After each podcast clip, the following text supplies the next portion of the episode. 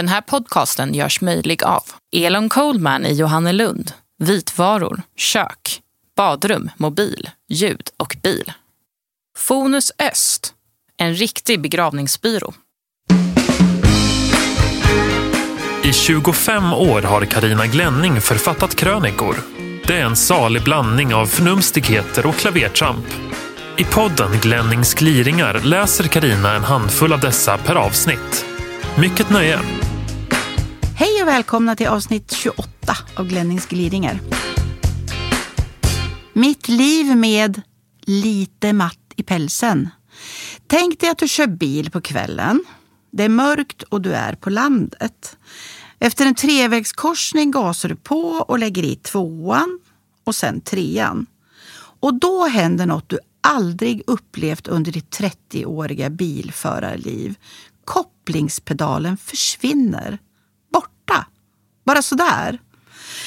Jag djupandades och pratade högt förnuft med mig själv. Bli nu inte ett hysteriskt fruntimmer Karina. Bli inte det. Jag vågar definitivt inte köra in till kanten och undersöka saken. Hur gör man det utan koppling?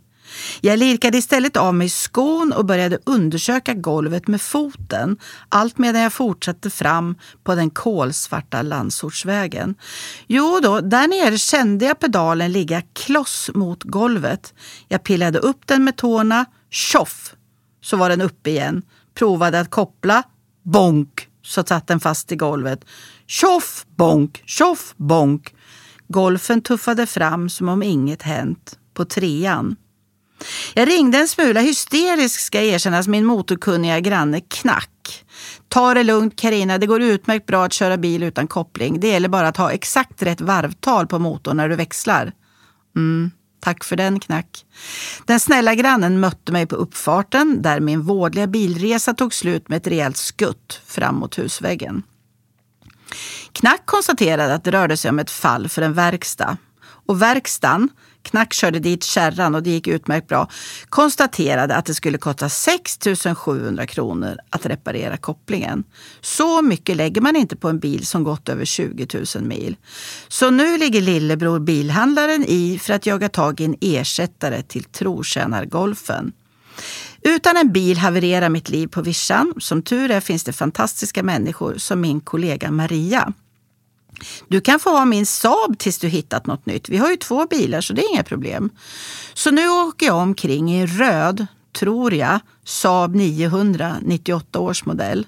Den har en del egenheter, det ska jag inte sticka under stol med. Bland annat krävs det Rambo-muskulatur i vänsterbenet för att få ner kopplingen. Men den har åtminstone en koppling och just nu överglänser det allt.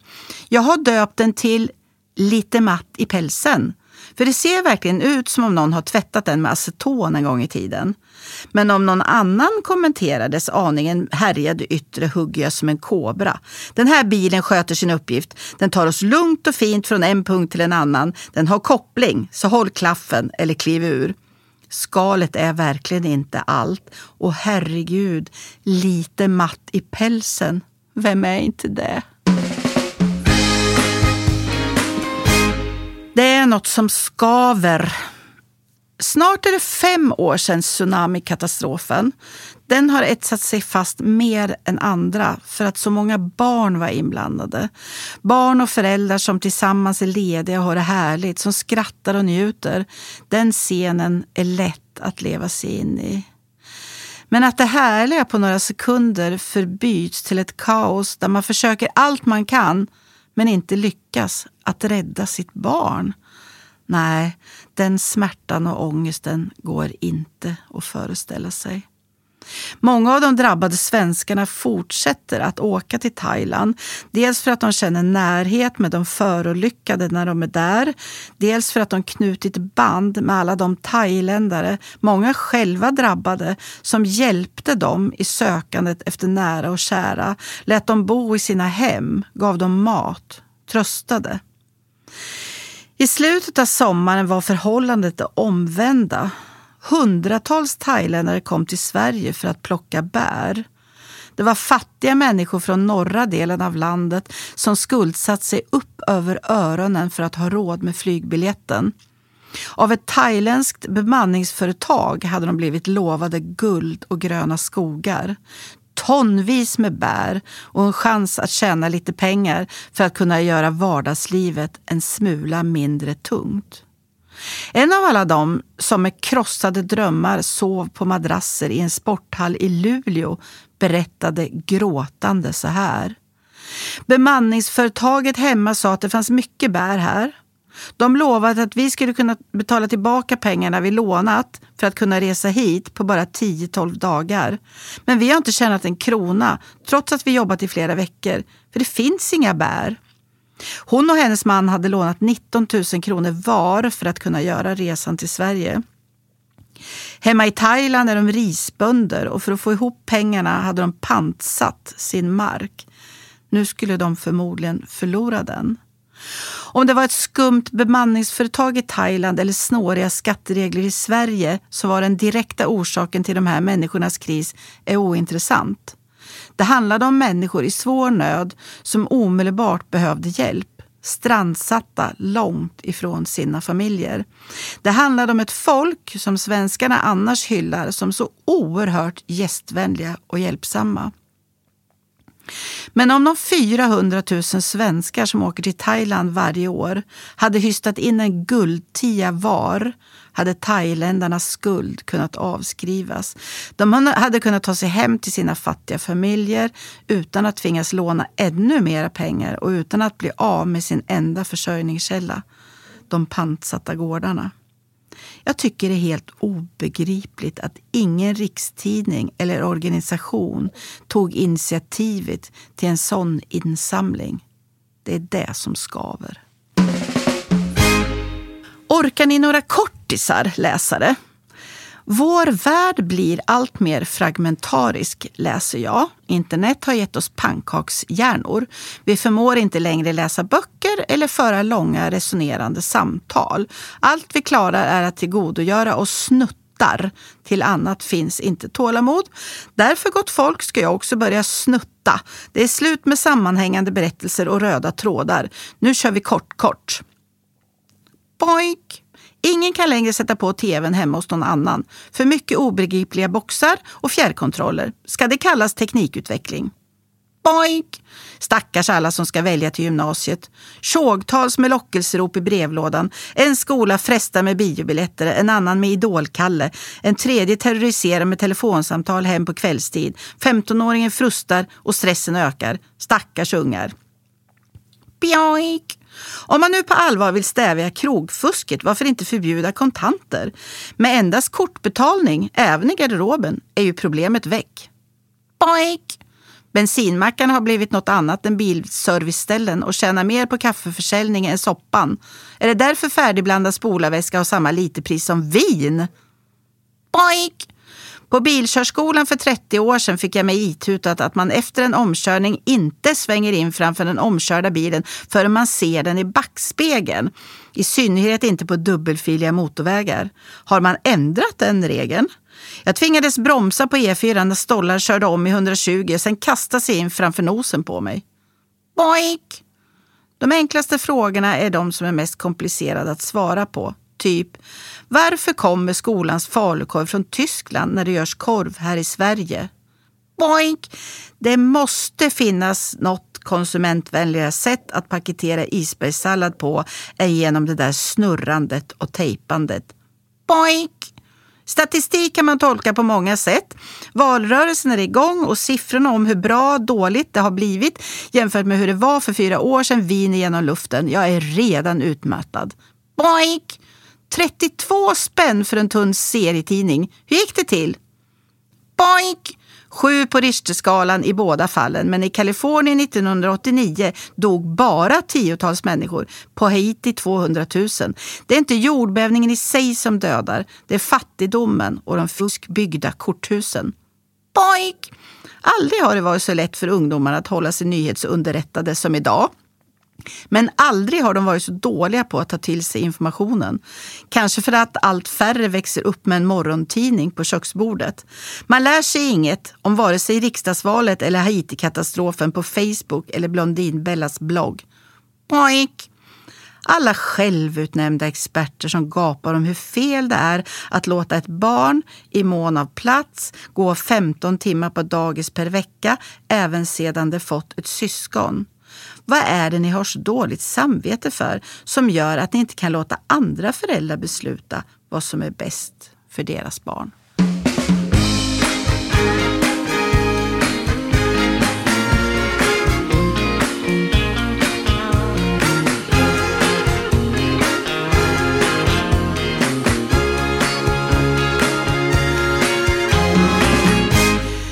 Är du jämställd lille vän?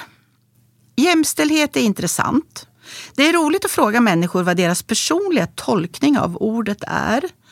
I ett samhälleligt perspektiv svarar vissa lika möjligheter, skyldigheter och rättigheter oavsett kön. Andra svarar feminism. För många har orden till och med blivit synonyma, det vill säga jämställdhet är lika med feminism. Det är väldigt förbryllande tycker jag. För i den tolkningen ligger ju att det endast är området där kvinnor är offer som ska bearbetas. Inte de områden där män är det. Och de är ganska många. Lyssna bara. Män förlorar 95 procent av alla vårdnadstvister. Män lever betydligt kortare än kvinnor. Unga pojkar tar i högre utsträckning än flickor livet av sig. En pappa som lever i ett samboförhållande är inte per automatik vårdnadshavare till sitt eget barn. De flesta uteliggare är män. De flesta interner är män. Media belyser nästan aldrig det tabulagda ämnet kvinnor som slår sina män, vilket nu visar sig vara betydligt vanligare än man tidigare trott. Oavsett var ett barn bor går barnbidraget alltid till mamman. Trots att pojkar presterar bättre än flickor på de nationella proven i grundskolan får de lägre slutbetyg. Pojkar är i minoritet på landets högskolor. För att nu nämna några exempel på frågor som mycket sällan belyses utifrån ett jämställdhetsperspektiv. Men jämställdhet i hemmet då, vad är det? För vissa är det millimeterrättvisa när det gäller hushållssysslor som laga mat, städa, diska och tvätta. Och det är väl helt okej okay, om man också har millimeterrättvisa när det gäller däckbyten, avloppsrensning, byggprojekt, gräsklippning, snöskottning och vedhuggning. Är inte jämställdhet mycket krångligare än så? Handlar det inte i slutänden om jämställdhet i knoppen?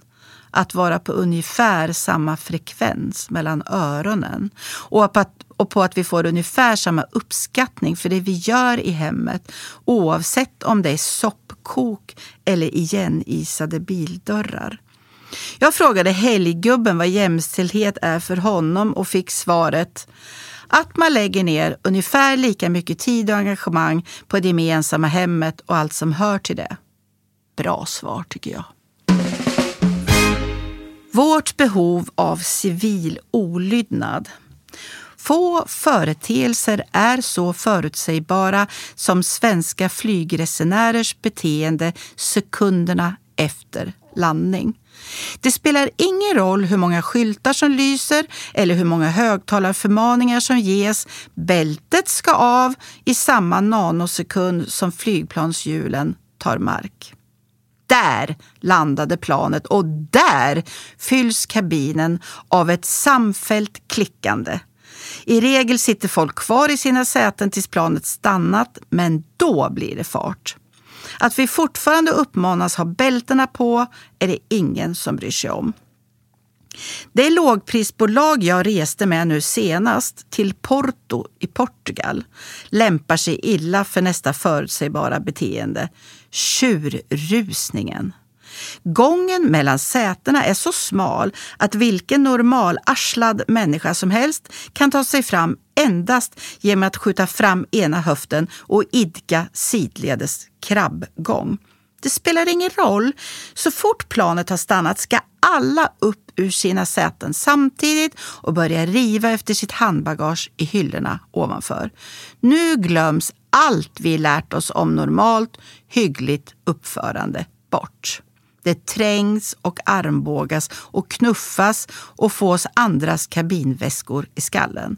Man skulle kunna tro att det brinner i planet eller att samtliga passagerare får tygkänning, alltså håller på att bajsa ner sig och därför måste ut fortare än fort. Detta trots att dörrarna ännu inte öppnats och trots att det ännu inte finns någon trapp utfälld att ta sig ner via. Detta är förstås mission impossible. De med fönsterplats som inte kan ta sig ut i gången väljer ändå att stå upp beredda och på språng. Takhöjden under bagagehyllorna är anpassad efter 11-åring vilket gör att de vuxna nu står med halsen i 90 gradig vinkel och ena örat pressat mot bagagehyllorna. Ibland är 10 minuter, men det spelar ingen roll. Här ska inte sätta sig! Mitt i detta kaos måste också samtliga mobiler sättas på. Världen kan ha gått under under de 90 minuter som de varit avstängda.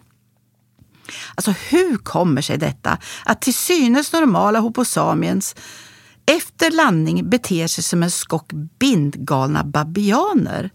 En kärlek till kollektivismen. Vi vill göra allt samtidigt med alla andra. Damp? Nej, jag tror mer på ett behov av civil olydnad. Vi lever i ett så välordnat, regelstyrt land att vi ibland måste få busa för att liksom inte explodera. Även om buset består av en sådan liten, icke straffskalig kategoriserad handling som att ta av sig flygplansbältet för tidigt. Än intressantare att fundera över är drivkraften i beteendet efteråt. Hetsen att komma av först. Men varför? För att få bästa platsen vid bagagebandet i ankomsthallen? Eller? Bandet som börjar snurra först 15 minuter efter att samtliga passagerare står på plats. Är inte detta humor? Så säg.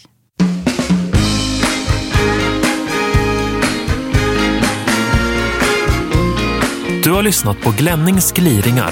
Ansvarig utgivare, Christer Kustvik.